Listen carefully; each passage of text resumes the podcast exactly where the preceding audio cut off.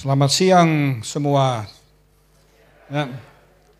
Terima kasih banyak bahwa Anda sedang uh, bergabung dengan presentasi ini. Saya suka um, melanjutkan um, um, dalam bahasa Indonesia, tetapi uh, bahasa Belanda adalah bahasa pertama saya. Dan bahasa Inggris saya um, juga masih lebih baik daripada bahasa Indonesia saya. Daarom heb ik besloten om deze presentatie vanmiddag in het Nederlands te gaan geven. En ik hoop dat jullie daar geen bezwaar tegen hebben. Without joking, I think English is probably the best compromise for this afternoon. Thank you very much for joining. Um, I'll show you a number of photographs, completely random, um, most of them actually through the eyes of my family, who have lived here for more than two centuries in this beautiful city, uh, the big family. Um, and at the same time, um, they probably also show a little bit of the technical progression of the city. Next. And that all started um, with this picture. The guy on the top right side was my first ancestor that arrived here in Jakarta in 1776. And you probably can already see by his face, um, like many of my family members, a very, very handsome man.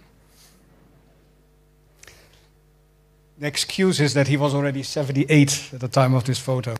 Anyway, you probably recognize the building um, along the Molenvliet Canal, Jalan Gadjah Mada. This is the Arsip National, the Gedung Arsip National, Jalan Gadjah Mada 111.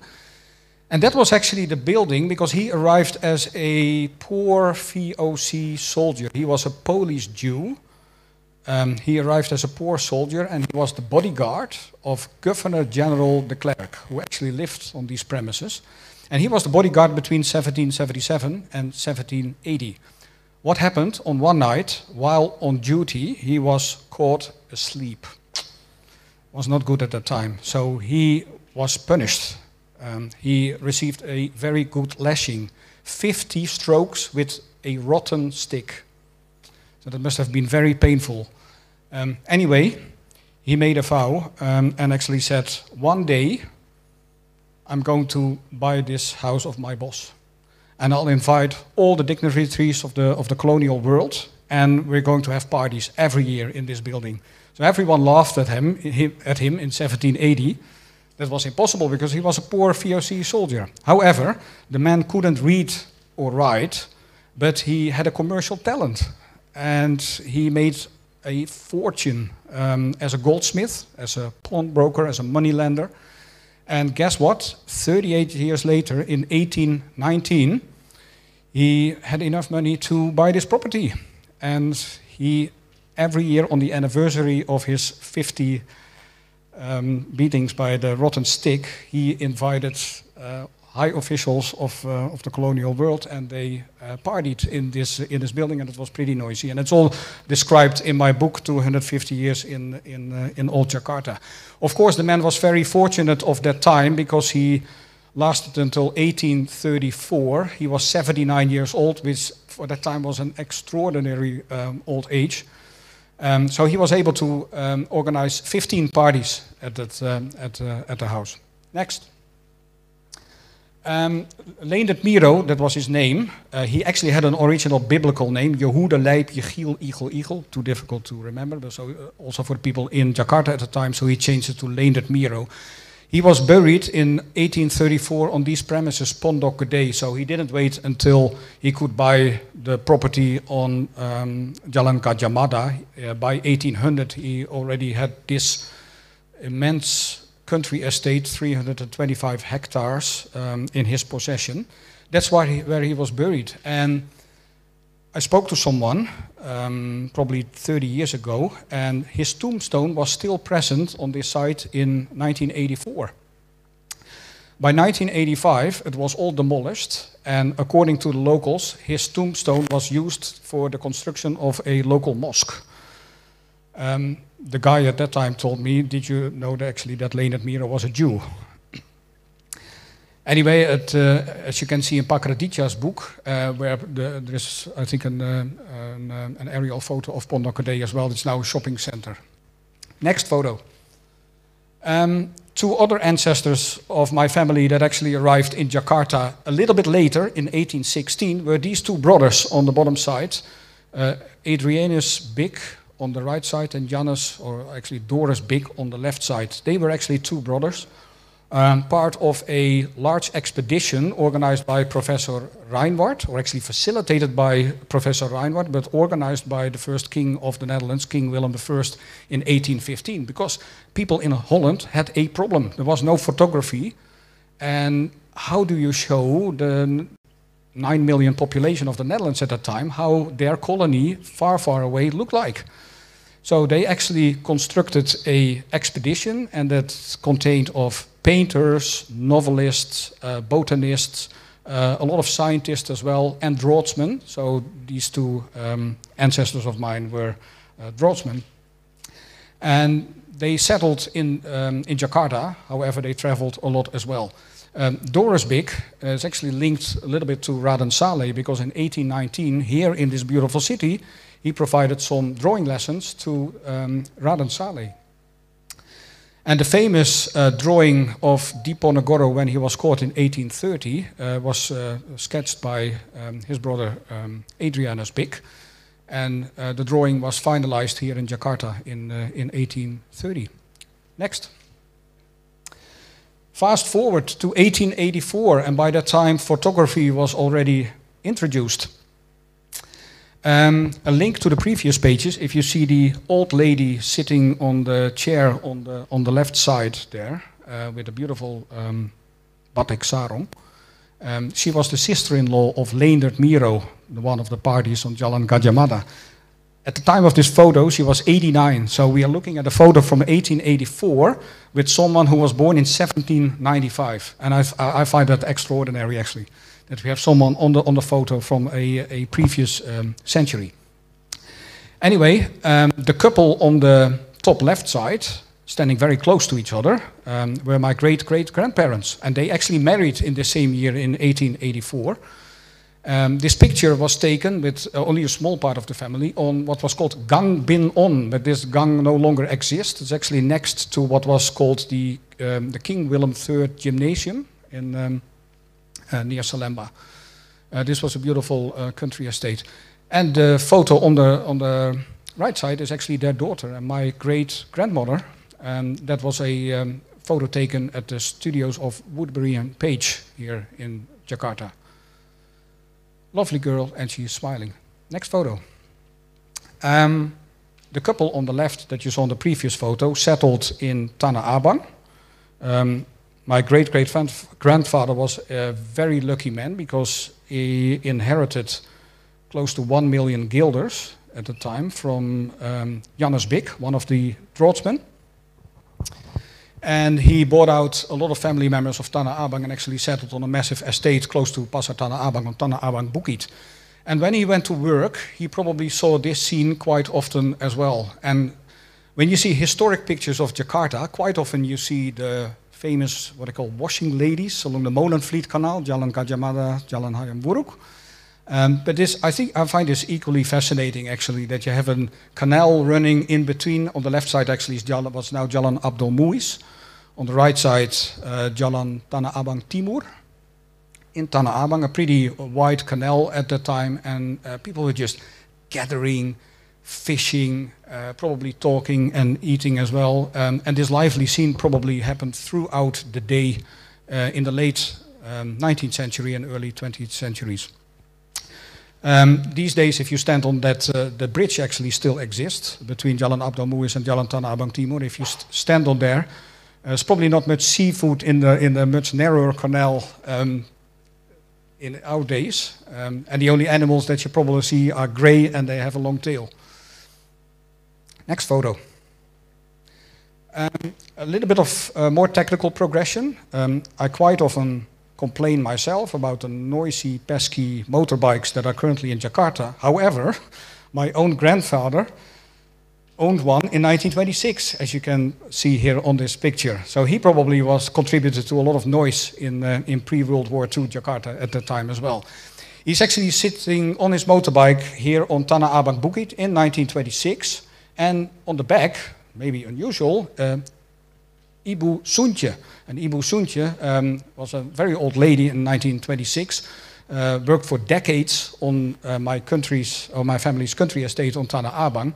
And she always described um, that as a noisy monster, and they, he should have never bought it. But she had one dream, and it was actually to sit on the back of a motorbike and be driven around town by my grandfather. So on one day, it actually happened. And my grandmother told me that it was such a fascinating scene there in Tanah Abang that my grandfather left with Ibu Suntje on the back and she was singing and screaming all the way uh, through uh, Jakarta at the time. It must have been a fantastic scene, and not sure if anyone caught that on camera. Next. Oh, we skipped one. Yes, this one. Not a technical progression. 1933. Um, again linked to uh, my family. Uh, this very pretty house um, on now Jalan Mohammed Yamin, previously Jalan Madura, was uh, actually bought by my uh, great grandfather, and that was the husband of that lovely girl that you saw on the Woodbury Page um, um, photo of 1892. Um, this house, as you can see, it has no ventilation grids above the windows. This was the first air-conditioned house in Jakarta in 1933, and that was earlier than many other important buildings in the city. So, for example, um, Istana Merdeka on Medan Merdeka had a one air-conditioned room for the Governor General installed in 1940. The NIROM, which was the, um, the radio uh, broadcasting company, uh, same site as where Radio Republik Indonesia is uh, based at the moment on uh, Medan Merdeka Barat, um, had air-conditioned studios for the first time in 1938, the same year that actually the trains uh, running through the island of Java had air, condi air conditioned uh, carriages as well. Uh, but it was actually a, a novelty in, in 1933. Uh, it had to be imported from the United States of America. And as you can see on the photo on the, on the left, um, that's actually uh, my aunt, sister of my grandmother, um, who was actually in the back garden here with a humongous water tower uh, that actually provided the coolness in the house. But I'm afraid not only the coolness in the house, but probably also very noisy to neighbors, especially the ones very close there at the back on, uh, on Jalan uh, Indramayu. Next photo. Not a technical progression. Um, on Pasar Gambir, Pasar Gambir in 1938. Pasar Gambir was an annual fair held in pre-World War II uh, Jakarta for the first time in 1906, and then it was held annually from 1921 onwards. You see on the internet a lot of cases, including the Wikipedia page, that actually says that the Pasar Gambir ran until World War II and that the last edition was in 1941 and 1942, which is not true. Uh, this was the second last one in 1938 and 1939 was the, was the last uh, Pasar Gambir. Afterwards, uh, the war broke out in Europe and later in the Pacific, and uh, they found it not appropriate to organize a, such a feast in Jakarta. Um, fantastic pictures because this was the, these were the first pictures ever taken in Jakarta in color, so with a color um, photo camera. And the other special thing about Pasar Gambir was the, it was the only event in Jakarta, the only annual event where actually everyone in the city could, could join. It was not like the Cikini swimming pool or the Manggarai swimming pool that was only allowed for, uh, for white people or for Japanese people. Um, now, Indonesians, uh, Dutch people, Chinese, Arab people, everyone could join the Pasar Gambir and you could sit in the merry-go-round uh, next to someone from Kampung Bukit Duri, for example, um, and, and maybe the Governor General's wife was in, in the carriage next to it was a lot of food, and the structures were actually uh, pretty amazing too, because all the structures that you see in the 1938 photo here, for example, were actually built specifically for the 1938 Pasar Gambir, and it was a two-week event, usually the, in the last two weeks of August, and afterwards they were demolished again. Next photo. Same year, 1938, um, my grandmother used to work for the Javasche Bank, what's now the Bank Indonesia, in Kota, same building now on uh, Taman Fatahillah, uh, and Station Kota. Um, And she had to take the bike from her house on Tanah Abang Bukit to Harmony. And from Harmony, she was allowed to take the tram to Kota. And this was actually the tram, so she usually parked her bike in front of what is now the, um, uh, the Bank de Postspaarbank there on the corner of Harmony. And then took tram line 4 um, to, uh, to Kota. And th this tram line actually ran from Tanah Abang to Kota, so I've ne never been sure why actually she had to take the bike from Tanah Abang to Harmony. It's probably because her parents thought that she had to do a little bit of exercise anyway. Um, which was actually strange because on the way back, at the end of a hard working day, when she was tired, she had to take the bike and push it all the way from Harmony to Tanah Abang, which was actually on a slight incline. So it must have been very sweaty when she um, arrived there. Anyway, uh, you probably recognize a little bit here. So this was actually at the start of Jalan um, Gadjah Mada, and we see the uh, still in a much more prettier condition than it is today, Hotel de Galerie uh, on the corner of Jalan Juanda and Jalan uh, Hayam Wuruk. Next. And when my grandmother arrived back at home at the end of a working day, 30 seconds before she actually parked her bike, this was the view that she had um, of Tanah Abang Bukit. And it was actually like half the estate. So her house with her grandparents was actually there on the left side behind the trees. Single story house. That was a massive house that used to belong to to my family as well. But after my great great grandfather passed away in 1918, those were all sold. Um, and the director of the firm Maclaine and Watson actually lived in that house at that time in 1923. And there was a similar double-story house on the other side. If this would have been a panorama photo, you would actually would have seen a, almost like a mirrored view of um, of of, uh, of this picture. Now, just by raising hands in this audience, who of you think that that that beautiful house on the right does still exist today? Please raise your hand if you think that house does still exist today no one of you thinks that. Then the tree, that beautiful, massive tree on the, on the left side. Who of you think that the tree does still exist today? Yeah, a few hands, a few hands there. Um, anyway, absorb this into your brain, this picture. As soon as I say next, you see exactly the same scene, but then in 2020. Next. This is 2020. Still a very pretty, relaxing place to live, I think, or not? At least still place to park your bike. Yeah. Now, the tree, the tree is gone already um, at the end of the 1950s uh, because the Angkatan Udara Republik Indonesia had their Markas Besar on Tanah Abang Bukit, so that there were a few more offices got, but the, actually the house that you saw on the picture uh, survived until the mid-1980s, which I think is extraordinary for a building that was previously a mention of uh, uh, Governor General van Imhoff and built in 1740. So that has basically survived for 245 years. A little bit of additions, and the, the columns at the front had to be strengthened, but actually I've seen pictures in 1983 and the, the, the building still looked uh, pretty okay. Next. We are going to uh, jump from Tanah Abang to Menteng. Why? Because Menteng is my next project and that might end up in a book. And why Menteng? Because when I was preparing for my first book, I quite often stayed in Menteng, and I discovered each and every time when I came back to Jakarta, one of the beautiful houses that I took photos of six months ago was all gone, or was like corrugated iron. And I thought, how is that possible? Because there is a protected cultural heritage law which was implemented in 1993, and that should protect uh, houses in Menteng. Um, but apparently that law has, was circumvented, partly because it was probably Im implemented at a time when already 40, 50% of all Menteng houses had already disappeared. So how can you actually reinforce um, such a law? Um, but in the last 10 years, it's actually going at a dangerous and, and, and rapid pace. And if we don't do anything about Menteng, um, then maybe it will have the same fate as Tanah Abang, where I've done a calculation and there are actually 2% of all historic buildings in Tanah Abang are left. In Menteng, we are currently already sitting at 80% demolished across the board. So best examples, for example, Taman Suropati, where most of the houses are still there, but lots of other streets, uh, more than 80% of the houses, original houses, have already been demolished. And that's not because those are houses that are so, so important that they have to be kept, but there are so many examples of houses in Menteng, because Menteng was designed as a garden city. It was actually an, an, an, a very unique urban planning concept 100 years ago, but it was also a playground of a lot of architects, European architects, but also Indonesian architects, and they implemented everything from Jugend style to Art Deco and what they call um, uh, new business style.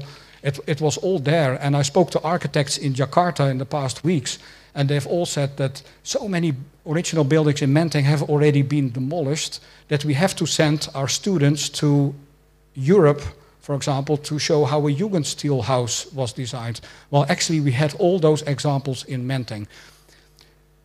Anyway, um, on the previous picture, you saw what I call always the gateway to Menteng, and that is, to me, is a very precious part. Uh, can we uh, quickly go back to the previous page, please? Yeah, because you see the Kunstkring building on the left, you probably recognize that. Um, we see Jalan Teuku Umar um, going straight through, where the cars are actually entering and, uh, and, and exiting. And if the photographer would turn around 180 degrees, he would see the Masjid Cut Meutia on that side, and the, and, and, and the train tracks um, as well. Uh, of course, Kunstkring exists. How many of you, raise hands again, think that that lovely house on the right still exists today too? No? You all think it's been demolished? Okay. A few of you think that it does still exist.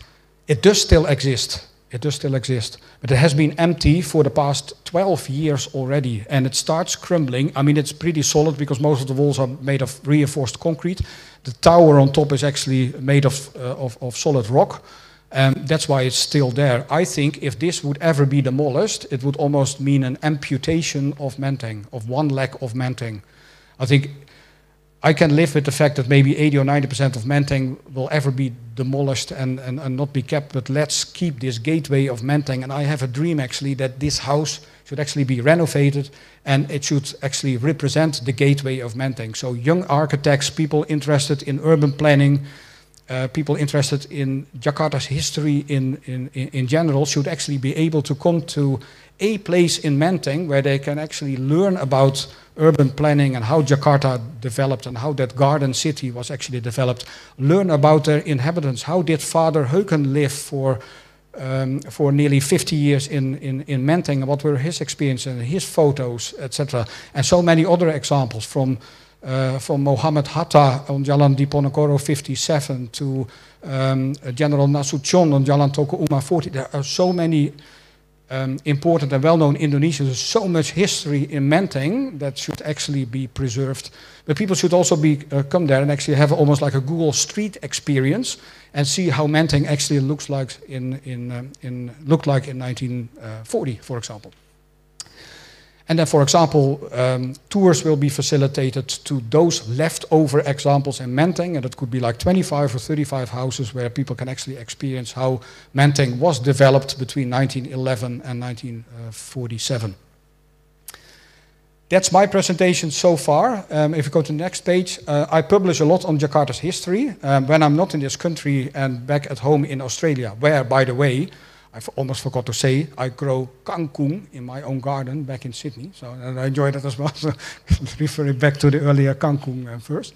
Uh, but I post regularly on social media at Lost Jakarta on Instagram and Facebook. There are videos showing Jakarta in 1941, 64, uh, President Sukarno uh, interview in, in, in Dutch in 1963, all on the YouTube um, uh, channel of, uh, of Lost Jakarta. And of course, there is the, the website as well. Thank you very much.